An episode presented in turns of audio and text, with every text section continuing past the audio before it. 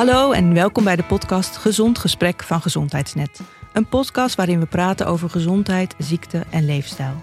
Mijn naam is Karine Hoenderdos, ik ben journalist en ik schrijf en praat over gezondheid en ziekte. Gezond Gesprek is de podcast van gezondheidsnet.nl, de nummer 1 website in gezondheid van Nederland.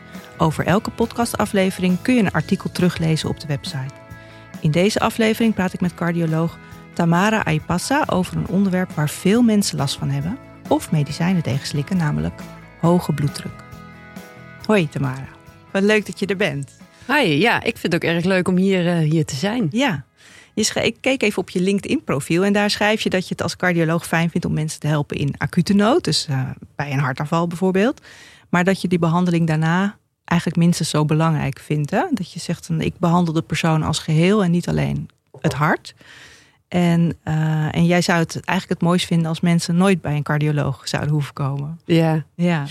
ja dat is ook zeker zo. Kijk, um, cardiologen zullen altijd nodig blijven. Want uh, acute dingen zoals hartinfarcten, wat je zegt, ja, die, die kan je zelf als persoon niet behandelen. Daar zul je toch echt hulp bij nodig hebben. Alleen ik zie uh, de uitingen van de ziekte aan je hart eigenlijk als een soort van startpunt om van daaruit beter te gaan worden. Ja. En het eerste stapje is wat ik kan doen met een dotter of met medicijnen geven. Maar het mooiste is natuurlijk als mensen daarna zelf ook aan de slag gaan met hun gezondheid. En van daaruit eigenlijk alleen maar beter worden. En dat is een beetje hoe, hoe ik zie dat de gezondheidszorg hè, zou moeten zijn. En hoe je als mens ook met je eigen gezondheid om kan gaan. Ja, nou mooi. Volgens mij zit je hier dus echt helemaal op je plek. Daarom vind ik het ook zo fijn dat je, dat je hier bent. Uh, ook nog wel leuk om te melden dat jij een voorvechter bent van de zogeheten snacksercise. En dat, uh, daar, daar zie ik je altijd op Twitter over, uh, over tweeten. Yeah.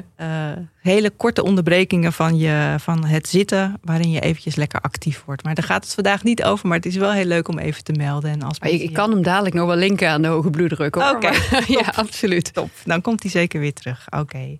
Nou, het onderwerp van vandaag is dus hoge bloeddruk of hypertensie. En uh, nou, laten we gewoon met, het, met de basis beginnen. Wat is eigenlijk een hoge bloeddruk? En wanneer spreek je van een hoge bloeddruk? Ja, nou, dat is denk ik de beste vraag inderdaad om mee te beginnen. Um, heel sec genomen, een hoge bloeddruk wil zeggen dat uh, bepaalde waardes, hè, de metingen van je bloeddruk, dat die te hoog zijn. Oké, dat is een hele erge open deur, maar dat is wel zoals we de definitie stellen. En een bloeddruk, uh, die meten we om om de bovenarm heen. En wat dat eigenlijk meet, is de druk die heerst in je bloedvaten op dat moment. En dan met name in je slagaders. Dus dat zijn de bloedvaten die vanaf het hart naar de rest van het lichaam toe gaan. En een druk daarin heerst daar, omdat er zit een vloeistof in, namelijk bloed, met allerlei andere onderdelen nog. En die vloeistof die, ja, die, die oefent een bepaalde druk uit op je vaten. En op het moment dat het hart pompt, dan komt er natuurlijk meer bloed uit en stijgt de druk. En op het moment dat het hart even uh, ontspant, dan is, komt er niet zo'n golf aan en is de bloeddruk wat lager. En dat, die twee waardes, uh, die twee metingen noemen we de bovendruk en de onderdruk. De bovendruk als het hart pompt en de onderdruk als het hart even ontspant. Juist, ja, precies. Daarom krijg je ook altijd, als je een bloeddruk gaat meten, twee verschillende getallen uit die we de bovendruk en de onderdruk noemen.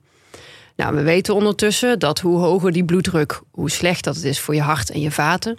En we hebben daar een soort van uh, afkappunt voor genomen om te zeggen, nou, als het boven deze waarde uitgaat, dan weten we dat het echt minder goed is voor hart en vaten. En dat noemen we dan een hoge bloeddruk.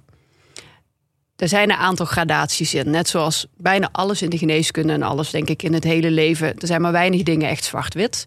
Er zit een soort van glijdende schaal in. Dat geldt bij bloeddruk ook. Een normale bloeddruk is 120 als bovendruk en 80 als onderdruk. En alles wat daaronder zit. Op het moment dat het boven die 120 over 80 gaat, dan beginnen we dat al een vorm van hoge bloeddruk te noemen. Uh, dat kan je bijvoorbeeld noemen pre-hypertension, uh, dus voor de hoge bloeddruk, dus een soort van waarschuwing. Maar sec kan je zeggen dat op het moment dat het boven de 140 over 90 gaat, dan spreek je echt van een hoge bloeddruk. En ga je nog veel hoger, boven de 180, dan heb je het over zelfs een maligne hoge bloeddruk. Dus zo zitten er een aantal gradaties in. Wat betekent maligne? Maligne betekent heel erg slecht. Heel erg slecht. heel erg slecht. Wat is de hoogste bloeddruk die je ooit hebt gemeten bij iemand? Oeh, ik denk uh, zo rond uh, 270, zo ongeveer als bovendruk wel. Wow. Ja, ja. En die twee cijfers die zeggen natuurlijk wat. Hè? Je, je, kunt, je bovendruk kan te hoog zijn, je onderdruk kan te hoog zijn. Wat, uh, welke van de twee zegt het meest over, over de bloeddruk?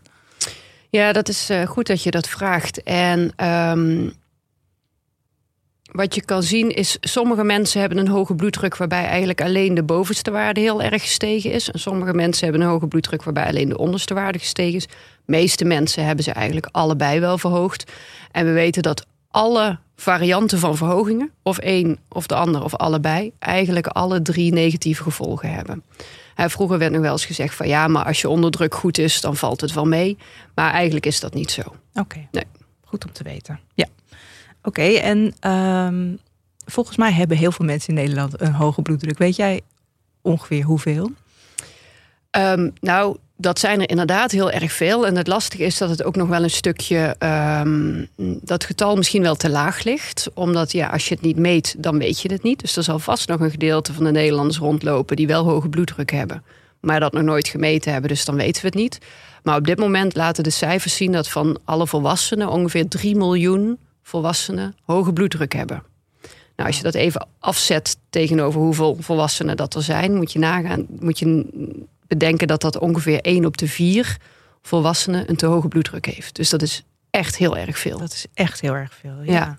Nog even over dat meten, hè? want jij zegt van je krijgt een, een band om je bovenarm. Um, hoe zit dat nou precies? Wat is nou de beste manier om te meten? Want er zijn ook mensen die uh, worden heel nerveus als ze bij een dokter zijn, uh, een witte jas al zien en uh, dan stijgt de bloeddruk al. Of moet je zitten of moet je liggen? Moet je het misschien thuis doen? Heb je daar nog tips voor? Ja, zeker. Nou, witte jassen bloeddruk is ook echt een term, oh, een medische term. en komt ook heel erg veel voor. Um, ongeveer 30 tot 40 procent van de mensen heeft een witte jassen hoge bloeddruk. Ja, dat, dat is hartstikke veel. En dat is ook logisch, want meestal als je bij de dokter komt, ja, nou, dan zit je toch niet het meest relaxed. En zelfs mensen die zeggen: Oh, maar ik ben helemaal niet nerveus voor de dokter, kunnen onbewust nog steeds een hogere bloeddruk daarvan krijgen.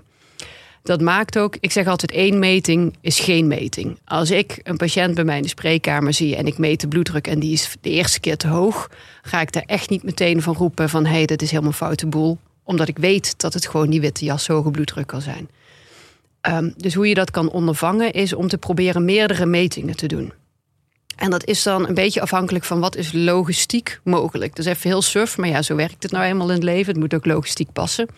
Je kan bijvoorbeeld, als je bij de dokter bent, uh, of bij je huisarts, bij de praktijkondersteuner, bijvoorbeeld in een rustige kamer gezet worden, dat er een half uur lang een aantal metingen achter elkaar gedaan worden zonder dat er een dokter in de zaal is, letterlijk. Daarmee kun je dat bijvoorbeeld al ondervangen. Maar ja, dat kost een half uur. Hè, dat moet dan wel in te plannen zijn. En wat ook hele goede manieren zijn om die witte jassenbloeddruk eruit te filteren, is inderdaad thuismetingen. En ik zie gelukkig steeds meer van mijn patiënten hebben een eigen bloeddrukmeter. Of kunnen hem lenen van de buurman of van een zus of wat dan ook. En daar ben ik eigenlijk heel erg blij mee. Want dan kan ik mensen de instructies meegeven om een soort van bloeddruk dagboek bij te gaan houden. En om thuismetingen te doen. En dan zie je dus heel erg vaak, één op de drie keer ongeveer, dat die bloeddruk thuis reuze meevalt. Oké. En dan, want dat vroeg je van, hè, hoe moet je dat dan meten, zittend of staand? En dan is het wel belangrijk dat je op een goede manier die bloeddruk gaat meten. Nou, wat je eigenlijk wil, is um, dat je meerdere metingen hebt. En of dat dan hè, iedere dag is of een paar keer per week, of, dat maakt eigenlijk niet zo heel veel uit. Maar verschillende metingen op een moment dat je in rust bent. Dus je moet niet ochtends denken: oh, ik moet over vijf minuten weg, want ik moet op tijd zijn voor de trein. Of ik heb dadelijk deze afspraak, daar ben ik heel erg gespannen voor. Dat is niet het moment waarop je moet gaan meten. Dus je moet lekker rustig zijn, rustig kunnen zitten. Als je heel officieel kijkt, moet je een half uur lang daarvoor geen hele zware fysieke arbeid hebben gedaan, dat soort zaken. En um, ook bijvoorbeeld heel belangrijk, geen volle blaas hebben. Want de volle blaas zorgt ervoor dat je bloeddruk weer omhoog gaat. Het zijn allemaal van die, van die dingetjes. Dus er moet rust in de tent zijn. En dan ga je zitten. En je legt je arm gewoon op tafel. Dus dat die rustig ondersteund ligt. Dat je hem niet omhoog moet gaan zitten houden. En dan raad ik wel absoluut aan om een bloeddrukmeter te pakken die om de bovenarm zit. Er zijn ook polsmeters, maar die zijn gewoon echt minder goed. Dus het liefst die om de bovenarm. En dan meet je hem eigenlijk twee of misschien wel drie keer achter elkaar. Want wat je ook vaak ziet op het moment dat die, dat, dat ding oppompt, hè, dat, dat gebeurt tijdens een meting, is dat je daar dan toch ook weer een beetje gespannen van raakt. Terwijl als je de tweede of de derde keer meet, dan zie je dat hij al begint te dalen. Nou, die meting die schrijf je op en dan heb ik hem het liefst in de, in de ochtend en in de avond. Dus ook op twee verschillende momenten. En zo probeer je zoveel mogelijk metingen te verzamelen, zodat als je uiteindelijk bij je arts komt, dat je kan laten zien van nou, dit zijn mijn echte gemiddeldes. En dat zegt zoveel meer dan die ene meting in de spreekkamer. Ja, oké. nou, dit is al een eh, hele goede tip, denk ik, voor heel veel mensen. Uh, en het is dus ook echt wel een aanrader. Misschien komen we daar straks wel op voor wie precies, maar een aanrader om zelf zo'n bloeddrukmeter aan te schaffen. Ja. ja. ja. Oké. Okay. Um, wat merk je er eigenlijk van? Doet het pijn? Nou, ik denk het niet, want je zei al, heel veel mensen weten het niet dat ze een hoge bloeddruk hebben. Ja, dat is denk ik het grote probleem. Um, je we kunnen het best wel een sluipmoordenaar noemen. Er zijn meerdere ziektes die die term meekrijgen, maar het geldt voor hoge bloeddruk zeker, want je voelt het niet. Oké, die mensen waar ik zeg, die bloeddruk van 250, 270, die voelen het wel. Maar laten we die categorie even weglaten, want dat zijn echte uitzonderingen. Maar of jouw bloeddruk nou 130, 140, 150, 160 is, dat ga je niet voelen. En dat is ook meteen het gevaarlijke eraan. Dus als je het niet actief gaat meten, zul je er ook niet achter komen. En een langer bestaande hoge bloeddruk gaat met name op de langere termijn problemen geven. Um, dus op het moment dat je het niet meet, weet je het niet. En kom je er pas over 10, 20 jaar achter dat je het al die tijd had. Ja, en dan zit je met de problemen die, ja, die dan toch lastiger op te lossen zijn. Ja, dan, want dan is de schade al aangericht. Ja. Wat, wat voor schade moet ik aan denken? Ja, dat is ontzettend breed. Um, eigenlijk is een hoge bloeddruk de belangrijkste risicofactor voor hart- en vaatziekten. En we zeggen altijd hart- en vaatziekten, weet je zo'n één term. Maar als je gaat bedenken wat dat allemaal inhoudt uh, nou, wat betreft het hart moet je denken aan dingen als een hartinfarct, maar ook hartritmestoornissen, hartfalen, hele belangrijke. Uh, en als je naar de vaten gaat kijken, dan hebben we het bijvoorbeeld over herseninfarcten, maar ook uh, claudicatio of etalagebenen, dus verstoppingen in de bloedvaten naar je benen toe. Maar ook bijvoorbeeld je nieren kunnen beschadigd raken door hoge bloeddruk. Problemen met je zicht kun je krijgen. Dus het is, weet je, je bloedvaten zitten overal in je lijf. Dus als je een hoge bloeddruk hebt, kun je ook echt overal last van gaan krijgen. Ja, ja. en veel mensen denken bij die hoge bloeddruk echt alleen maar aan, aan dat hartinfarct. Maar het is dus zoveel meer. Dan ja, absoluut. ja, absoluut. En wat gebeurt er nou precies in die vaat? Ik kan me voorstellen dat, ik vergelijk maar even met een fietsband die je veel te hard oppompt. Dat dat heel veel druk geeft op die band. Ja. En wat gebeurt er dan precies? Ja, zo simpel moet je het denk ik ook eigenlijk gewoon wel, wel beschouwen. Dat um, ons hart pompt gemiddeld 100.000 keer op een dag. En als je dus een hoge bloeddruk hebt, komt er dus honderdduizend keer per dag een hogere druk door die vaten heen dan wat je eigenlijk zou willen. Waardoor er allemaal kleine beschadigingetjes kunnen ontstaan in die vaatwand. En je lichaam kan hartstikke veel repareren. Hè. Wat dat betreft is het een prachtig gebeuren, ons lichaam. Alleen die reparaties zijn vaak een beetje gericht op de wat kortere termijn. Want zo zitten we evolutionair in elkaar. Het is belangrijk dat we nu blijven leven. En wat er over twintig jaar gebeurt, is wat minder belangrijk. Ja. Dus al die reparaties die er zijn, zijn goed voor de korte termijn, maar gaan op de langere termijn problemen geven. Zoals bijvoorbeeld het stijver worden van de bloedvaten, waardoor de bloeddruk alleen maar weer meer omhoog gaat. En hoe, hoe werkt dat? Hoe worden bloedvaten stijver? Uh, nou, waar je bijvoorbeeld aan kan denken is. Um, ja, dat is medisch een beetje een, een ingewikkeld verhaal. Ik zal het proberen uit te leggen dat de. Uh, de binnenbekleding van de bloedvaten komen steeds meer achter dat dat niet zomaar een simpele laag cellen is, maar dat het een laag cellen is die ook nog allemaal stofjes produceren. Stofjes die ervoor zorgen dat de bloedvaten open kunnen gaan staan en wat minder open kunnen gaan staan. En dat zorgt ervoor dat je uh, lichaam um, ja, op allerlei verschillende situaties kan reageren. Nou, op het moment dat jij nou een chronisch te hoge bloeddruk hebt, dus continu die hoge druk, druk uh, hebt die voorbij komt, dan kan die laag cellen als het ware van slag raken. En kan daardoor niet meer zo goed functioneren en niet meer goed stofjes afgeven, waardoor de bloedvaten wijder gaan worden. Hmm. Oftewel, je, ze worden minder, uh, minder soepel, kunnen minder goed uh, open gaan staan. Dat, dat, is maar één van, van de dingen. Ja. En daarnaast kan je letterlijk hebben dat je kalk gaat vormen in je bloedvaten. Um, ik aderverkalking. Heb, aderverkalking, ja, precies.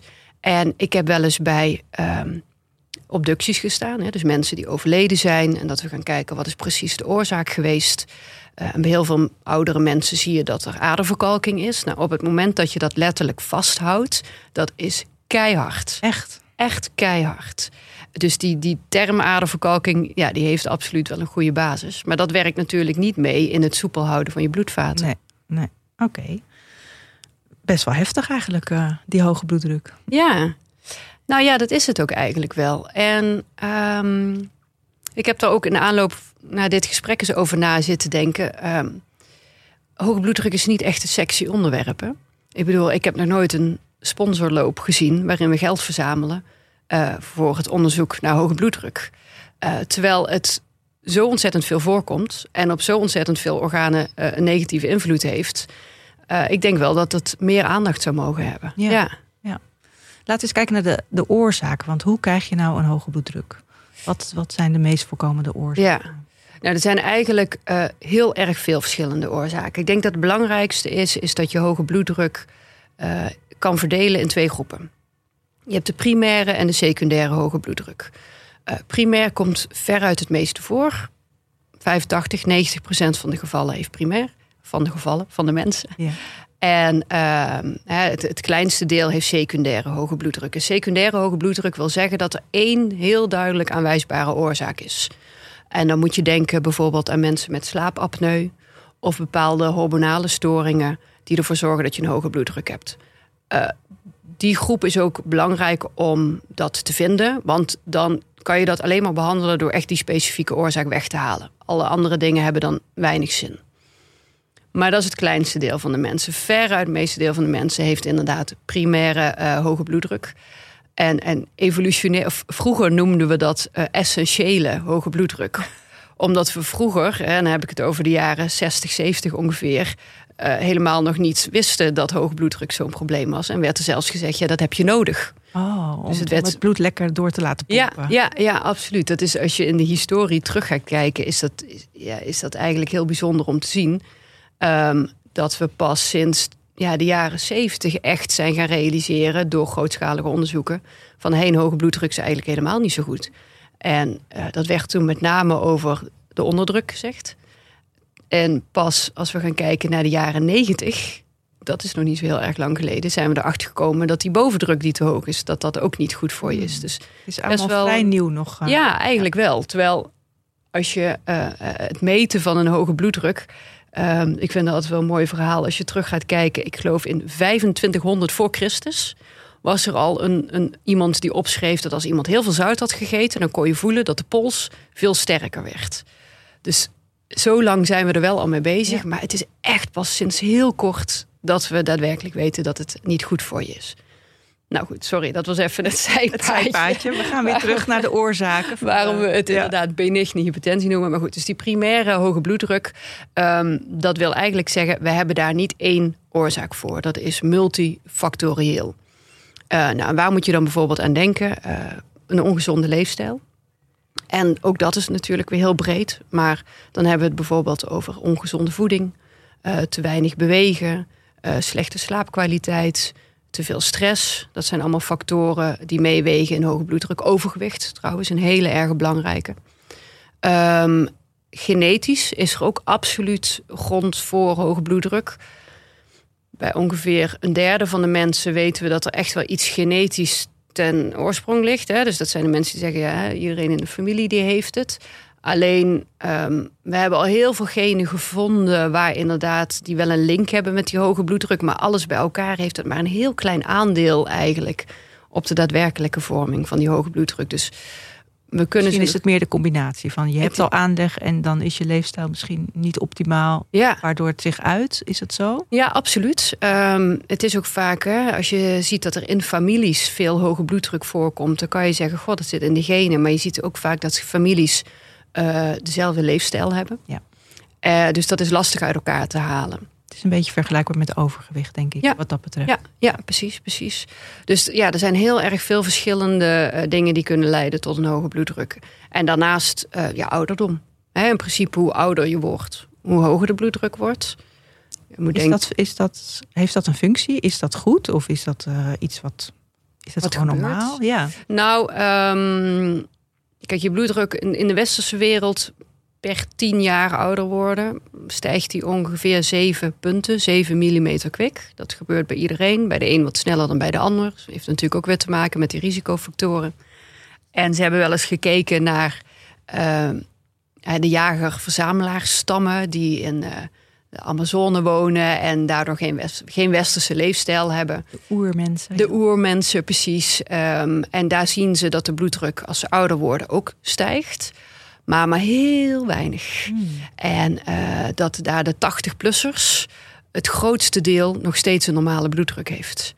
Um, dus je dus, zou kunnen zeggen, dit is wel iets wat hoort bij de westerse maatschappij. Ja, dat het precies. Zo, dus, precies. dus waarschijnlijk niet helemaal de bedoeling. Nee, nee ik denk nee. dat je dat zo wel kan zeggen. Ja. Oké. Okay. En um, je zegt van nou, overgewicht is een hele belangrijke factor. Hoe werkt dat precies? Hoe zorgt overgewicht ervoor dat je hoge bloeddruk krijgt? Ja, dat is een hele goede vraag. En um, als je daarover gaat lezen wat er mee te maken heeft, dan komen er al een heleboel theorieën. En hoe meer theorieën er zijn, hoe minder duidelijk het vaak is. Ja. Dat we minder duidelijk de precieze oorzaak weten. Um, een van de dingen die we steeds meer weten is dat met name het buikvet, uh, dat dat niet zomaar alleen maar vet is. Ik kan me herinneren dat je het hier in een podcast uh, uh, met Lisbeth van Rossum ook over hebt gehad. Onder andere dat buikvet scheidt ook bepaalde hormonen af die weer hun invloed hebben. En uh, die hebben ook hun invloed op het hele systeem wat met hoge bloeddruk te maken heeft. Dus dat is met name een van de dingen waar steeds meer naar gekeken wordt, dat die link, dat die link er is. Ja, ja. oké. Okay. En stress. En ik denk dat heel veel mensen denken van ja, die heeft hoge bloeddruk, van dat is een stresskip. Ja. Dat is iemand die zich altijd maar druk maakt en dan stijgt je bloeddruk. Is dat ook echt zo? Of? Ja, heel veel patiënten die bij mij in de spreekkamer komen, die zeggen dat ook meteen van zichzelf. Van uh, ja, zou het stress kunnen zijn? En dat is voor mij eigenlijk een super lastige vraag om te beantwoorden. Want uh, ja, wat is stress? En wat iemand, de ene persoon ervaart als stress, hoeft voor de andere helemaal niet stressvol te zijn en vice versa. En het lastige is ook, ik kan, ik kan het niet tastbaar maken. Ik kan het niet meten. Dus ik, er is geen enkele test die ik kan doen om te zeggen van, uh, oh ja, het is, ja, je hebt veel stress, dus daar komt het door. Uh, dus het blijft bij ons toch vaak het uitsluiten van andere dingen. Um, en dan blijft stress uiteindelijk over. Is af, af en toe een beetje, ja, vervelende diagnose, omdat je uh, zo weinig handvaten hebt. Maar dat gezegd hebbende, kijk, wat betreft stress, je hebt acute stress en chronische stress. En acute stress is helemaal niks mis mee. Uh, zo zijn, wederom evolutionair zijn we ook zo gebouwd dat we die stressresponsen nodig hebben. We moesten kon, kunnen wegrennen voor de leeuw die achter ons aan zat. Um, en, en tegenwoordig um, is een, een acuut moment dat je ergens van schrikt. Of dat je eventjes helemaal op je top moet zijn als je voor de tram wegspringen of in een podcaststudio bent. Ja, ja, precies. Dan is er helemaal niks mis mee. Maar bij chronische stress zien we inderdaad echt wel degelijk dat er een link is met een hoge bloeddruk. Uh, en er zijn ook wel bepaalde studies die laten zien dat als je aan die stress wat doet, dat je bloeddruk ook daadwerkelijk daalt. Maar die studies zijn niet altijd van de beste kwaliteit. Uh, dus het is best lastig ook om te zeggen wat moet je dan precies gaan doen. Er zijn bijvoorbeeld onderzoeken die laten zien als je bijvoorbeeld gaat mediteren of mindfulness doet, dat dat wel degelijk invloed heeft op het verlagen van je, van je bloeddruk. Ja. ja. Oké. Okay.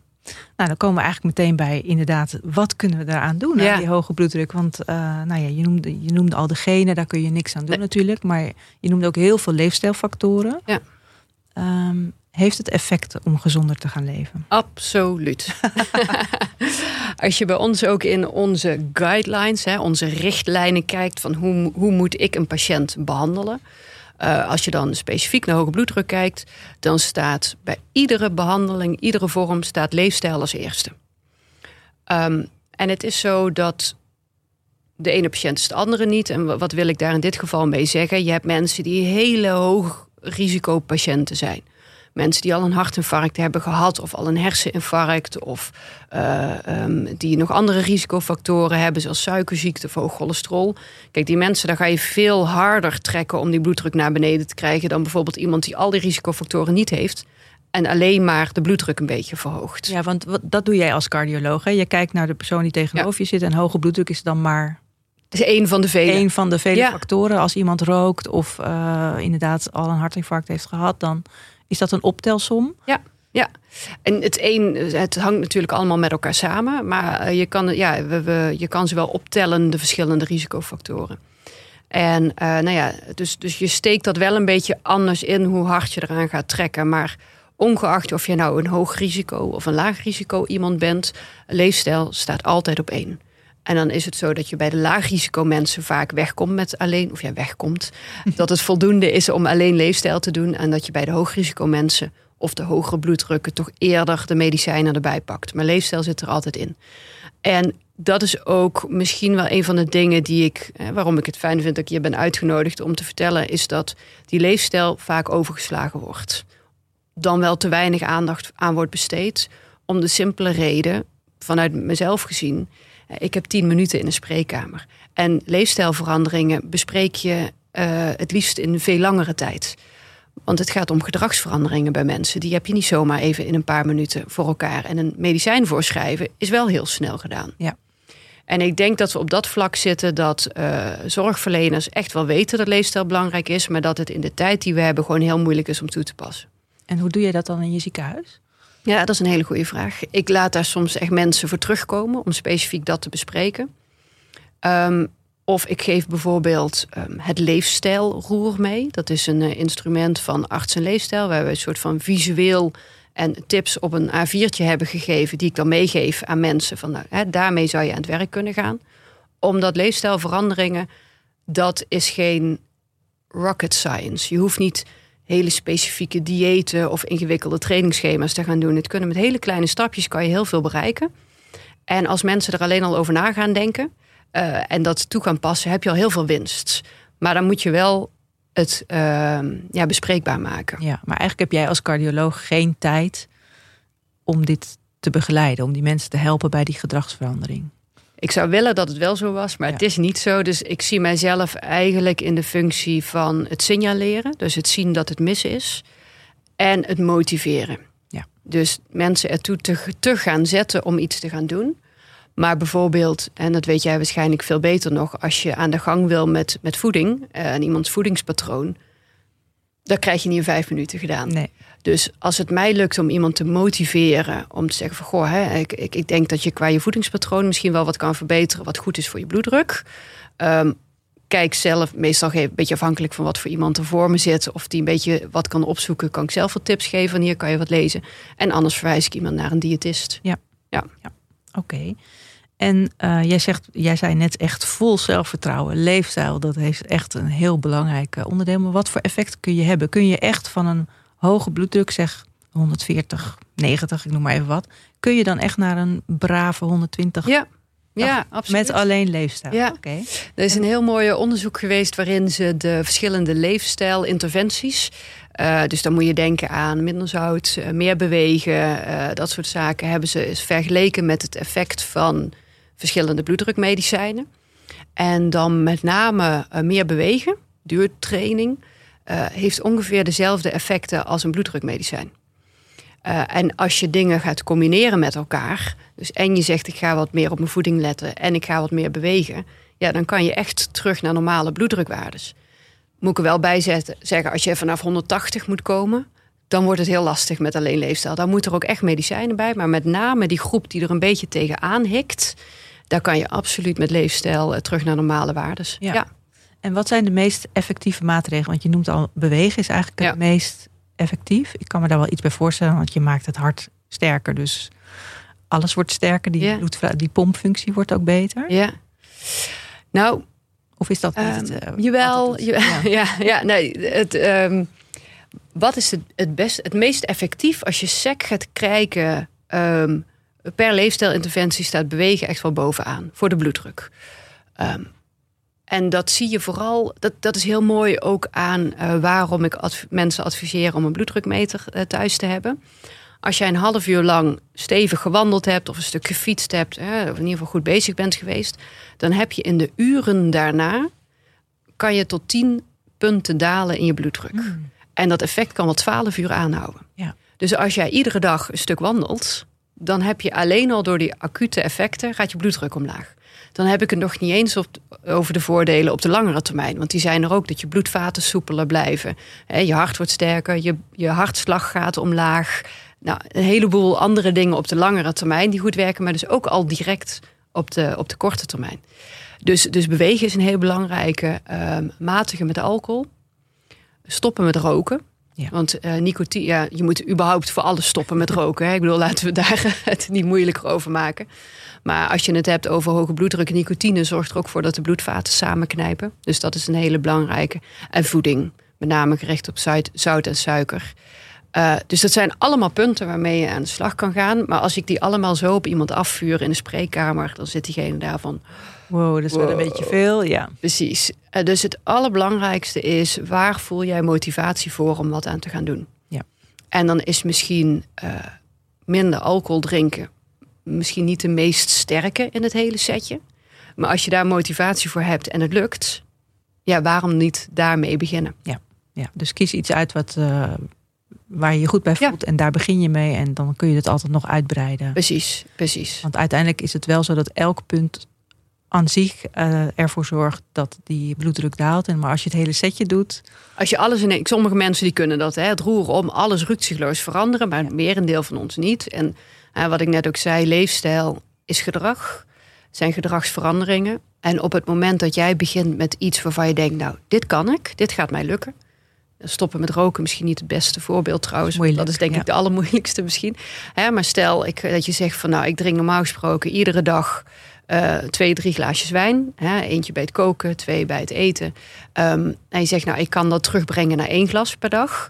Zonder dat ik het gevoel heb dat ik nou heel erg streng voor mezelf ben. Als je dat lukt, dan geeft het ook een goed gevoel voor jezelf. Van hé, hey, ik heb een plan gemaakt.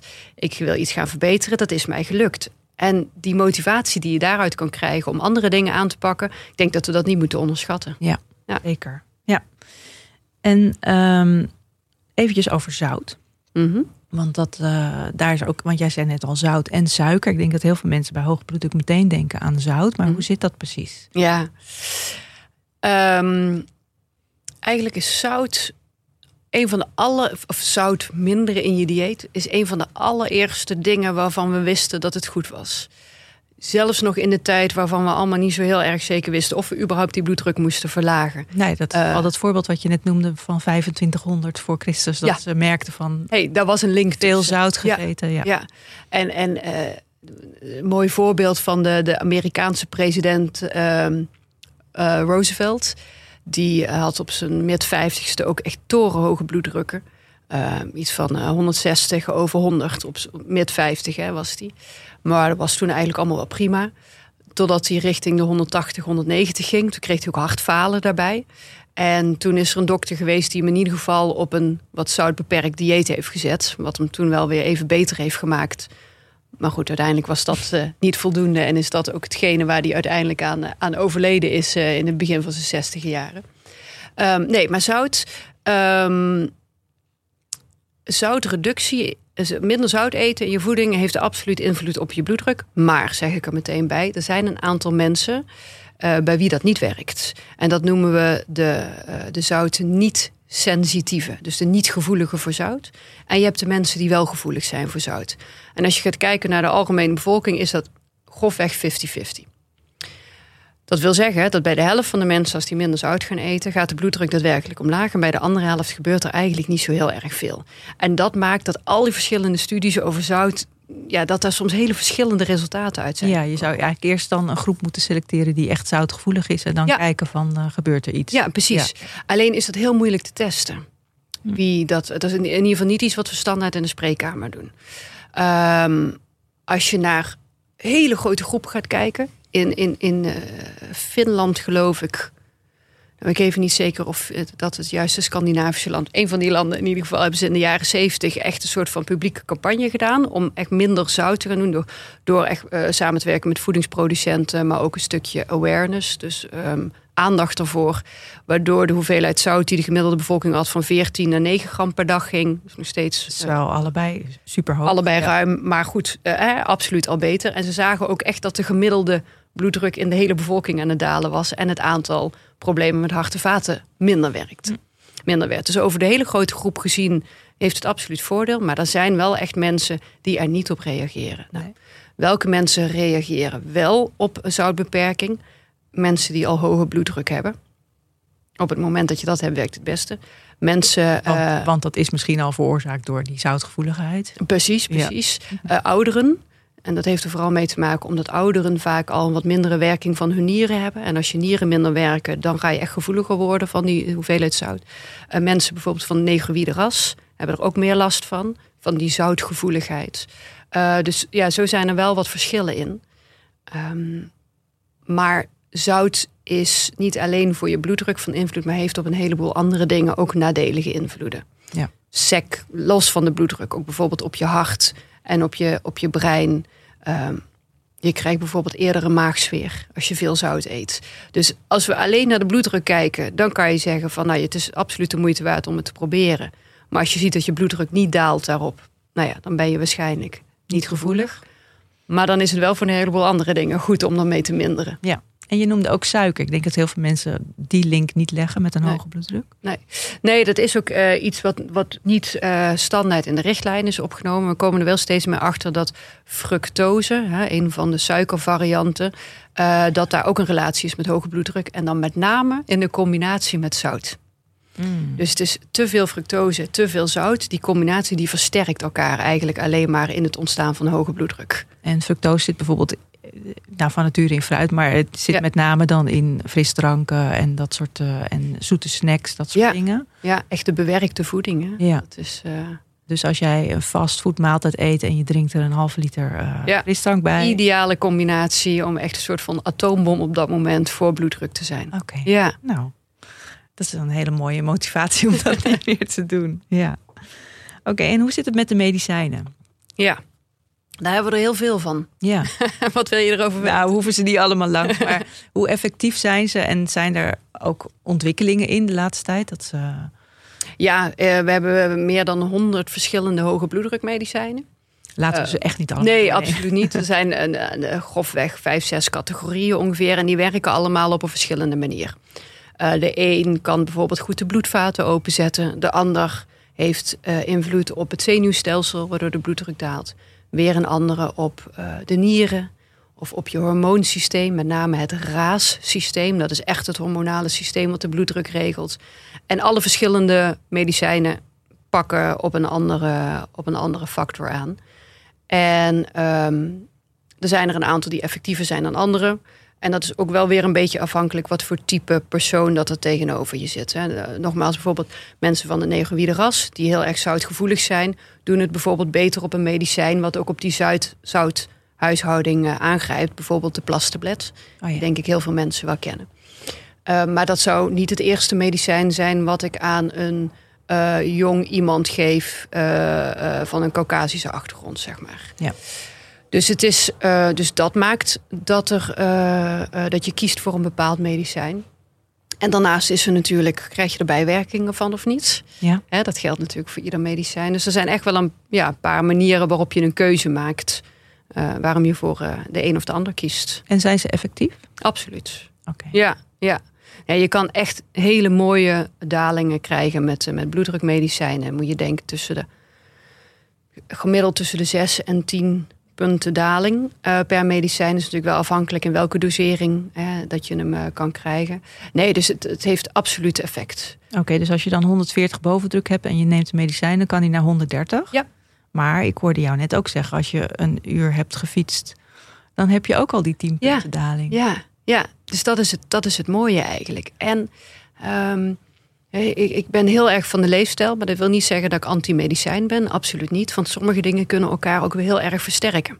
Bijvoorbeeld eh, ACE-remmers, dat is bijvoorbeeld een groep wat vaak voorgeschreven wordt. Voorbeelden daarvan zijn bijvoorbeeld eh, perindopril. Alles wat op een il eindigt is een ACE-remmer. Die doet het heel goed als je dat combineert met, een, met minder zout eten. Dat versterkt elkaar eigenlijk alleen maar. Dus in die zin zijn, dat, zijn dat prachtige combinaties. Maar de kanttekening bij eh, medicijnen is, we noemen dat de medicatie compliance. Hoe goed neem jij je medicijnen? En ehm, ik, ne- ik noem het nemen van medicijnen ook onderdeel van leefstijl. En Dat ook gedrag natuurlijk. dat is ook gedrag, Ja. precies. En ehm, eigenlijk zijn de cijfers best wel schokkend als je gaat kijken bij mensen die ondanks medicijnen eh, nog geen goede bloeddruk hebben. Daarvan uh, neemt de helft van de mensen die medicijnen niet goed. Sterker nog, 20% van die mensen neemt helemaal geen medicijnen.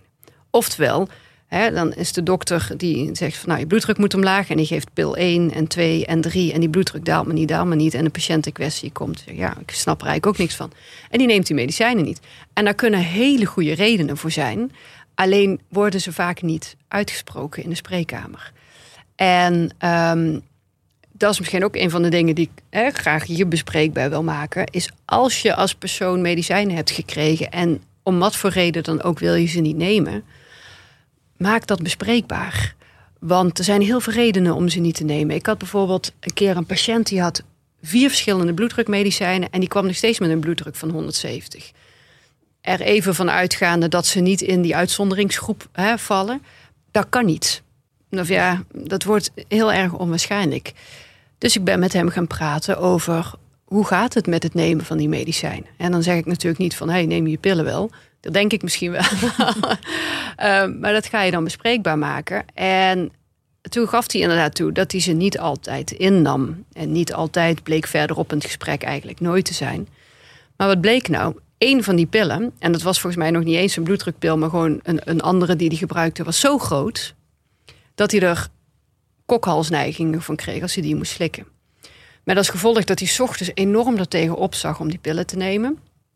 En ze dus eigenlijk allemaal maar niet nam. Omdat dat zo aan elkaar gelinkt begon te raken. Dat hij bij wijze van spreken al begon te kokhalsen als hij ja, die pillen dacht. Ja. Precies. En dat kreeg dan een hele negatieve invloed. Dus uiteindelijk heb ik met hem afgesproken uh, dat hij naar de apotheker zou gaan. Want hey, ik heb ook geen idee hoe al die pillen eruit zien. Want het zijn er zoveel en zoveel fabrikanten. Dat, eh, daar gaat mijn pet ook te boven.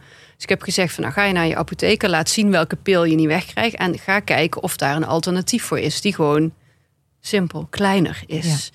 Nou, dat heeft hij gedaan. En daarna kwam hij terug en hij zegt: Ja, ik heb nu geen problemen meer met mijn medicijnen te nemen. En die bloeddruk was prachtig. Sterker nog, ik moest er een pil van afhalen, omdat hij te laag aan het gaan was. Ja.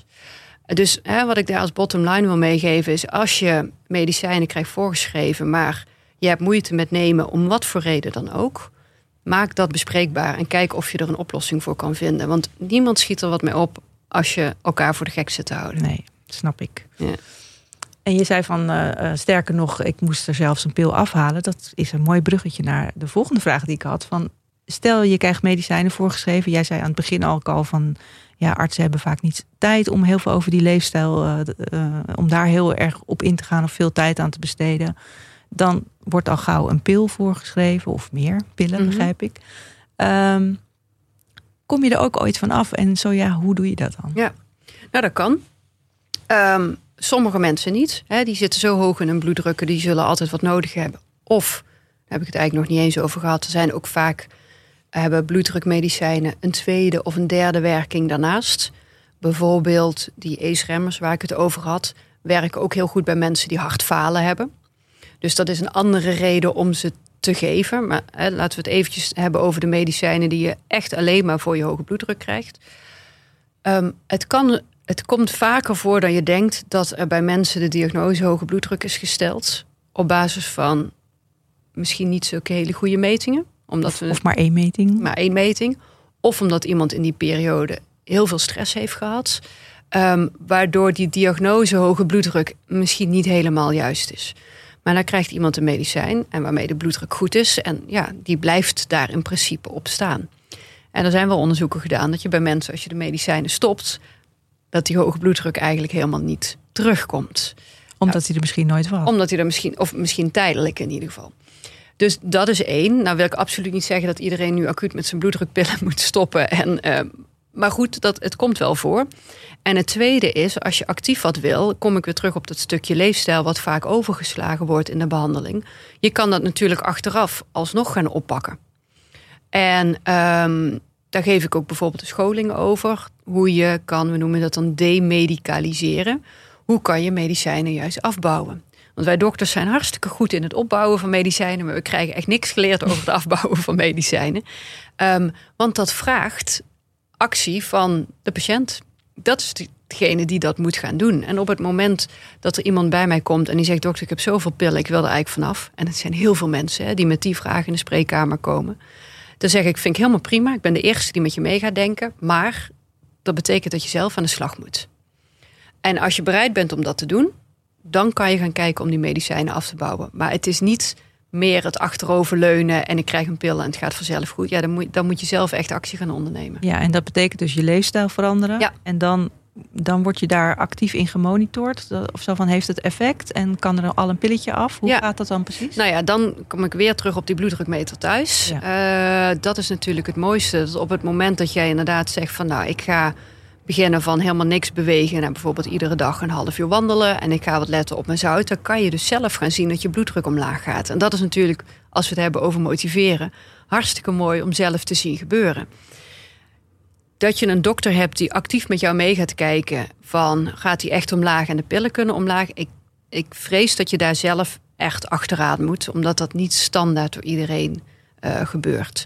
Maar er zelf achteraan gaan betekent niet dat je zelf die pillen gaat Nee, stoppen. nee, nee, nee, nee, nee, absoluut niet. Verschrik, verschrikte blik. ja, precies. Eh, nee, liever niet. Ik vind ehm, wederom het eerlijk zijn. Geef het altijd aan als je met een medicijn wil stoppen. En als jij tegen een dokter zegt van luister, ik heb deze metingen gedaan. Ik ben meer gaan bewegen. Kijk eens wat is gedaald. Ik wil eigenlijk graag een van mijn bloeddrukpillen minder hebben. Dan moet je als dokter al heel sterk in je schoenen staan om te zeggen, nou, dat gaan we niet doen. Nee. Dus het vraagt gewoon echt wel een beetje eigen motivatie en assertiviteit. Ja. ja. En hoe zit het op heel hoge leeftijd en medicijnen? ja. Terwijl je bent 85 plus en je slikt nog steeds medicijnen tegen die hoge bloeddruk. Ja. Misschien heb je er zelfs wel wat bijwerkingen van. Mhm. Ja, eh, de polyfarmacie. Hè? Heel veel verschillende medicijnen. Dat is best wel een probleem. Want hoe ouder we worden, hoe meer kwaaltjes we krijgen. En daar krijgen we medicijnen voor. Met bijwerkingen waarvoor we ook weer medicijnen krijgen. Et cetera, et cetera. En ehm, eh, ouderen bij mij op de poli... die eh, hebben gemiddeld 5, 6, 10, 12 medicijnen. Sterker nog, als ik iemand krijg van 75 plus zonder medicijnen... dan ben ik altijd verbaasd. Eh, ehm, en je kan natuurlijk op een gegeven moment wel gaan denken van... goh, die hoge bloeddrukbehandeling is erop gericht om op de langere termijn ervoor te zorgen dat je hart en je vaten gezond zijn. Als je 85 bent, hoe lang is die langere termijn dan nog? Ja. Maar dan nog, een eh, echt hele hoge bloeddrukken kunnen ook een acute fase, bijvoorbeeld een herseninfarct of een hersenbloeding geven. Ja. Dus het is niet dat we alle teugels gaan laten vieren. Maar die grens van 140 over 90, waar ik het over had, bij ouderen wordt het eerder 150, zeg maar. En, en als iemand een hele vieve, vitale eh 80-plusser is, dan ga ik echt wel door mijn vingers kijken als hij eh, rondom die buurt zit. Maar eigenlijk laten studies zien dat ook bij ouderen heeft het nog steeds zin om het te behandelen. Maar er komt gewoon een extra eh, factor bij, die polyfarmacie, waar je echt wel rekening mee moet houden. Dat je daar niet van de regen in de drup komt. Ja. En dat is maatwerk. Ja. ja. Nou, duidelijk.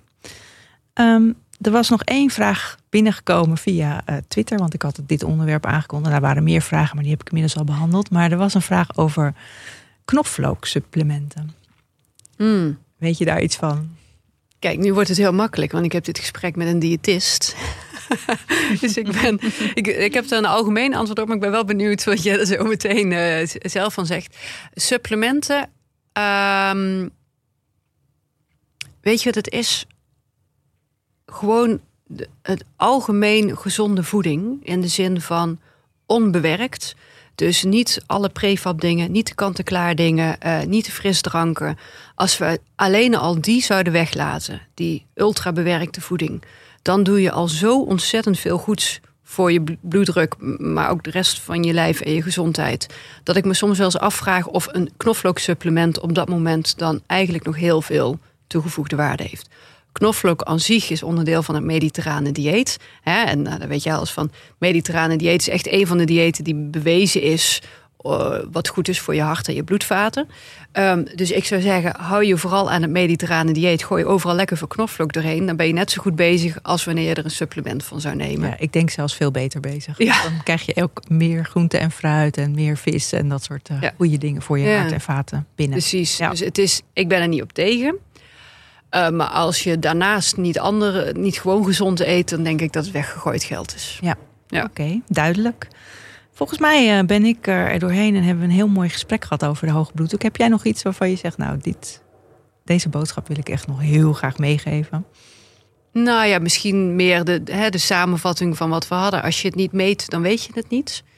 Dus zorg ervoor dat je hem zeker boven de 40 zou ik eigenlijk zeggen, toch gewoon met enige regelmaat meten. En het liefst met een bloeddrukmeter thuis. Want alleen als je erachter komt dat je het hebt, kan je er wat aan doen. En daar zit echt wel veel invloed wat je zelf kan uitoefenen. Maar daar moet je dan wel ja, gewoon even hard en eerlijk tegen jezelf zijn. Als je gezond wil zijn, dan moet je er ook wat actie op ondernemen. En dat is niet altijd even makkelijk met alle verleidingen om ons heen, maar zeker de moeite waard.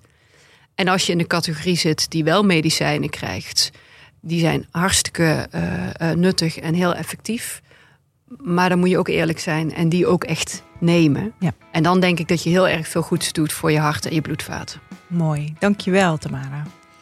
Je luisterde naar Gezond Gesprek, een podcast van Gezondheidsnet, gepresenteerd door Karine Hoenedos met producer Jonne Serize. De Yearlings maakte voor ons de tune. Wil je meer weten over het onderwerp van deze podcast? Kijk dan zeker op gezondheidsnet.nl. En wil je reageren? Dat kan. Dat vinden we heel erg leuk. Je kunt reageren via Vriend van de Show. Daar een high five geven, een opmerking achterlaten of een extra vraag aan de gast stellen. Alles kan. Vriend worden van Gezond Gesprek kan ook al voor 1,50 per maand. Kijk op vriendvandeshow.nl en zoek naar Gezond Gesprek. We zijn verder heel blij als je deze podcast deelt, bijvoorbeeld onder je vrienden of via social media. Dan kunnen meer mensen deze podcast vinden. Tot een volgende keer, tot het volgend Gezond Gesprek.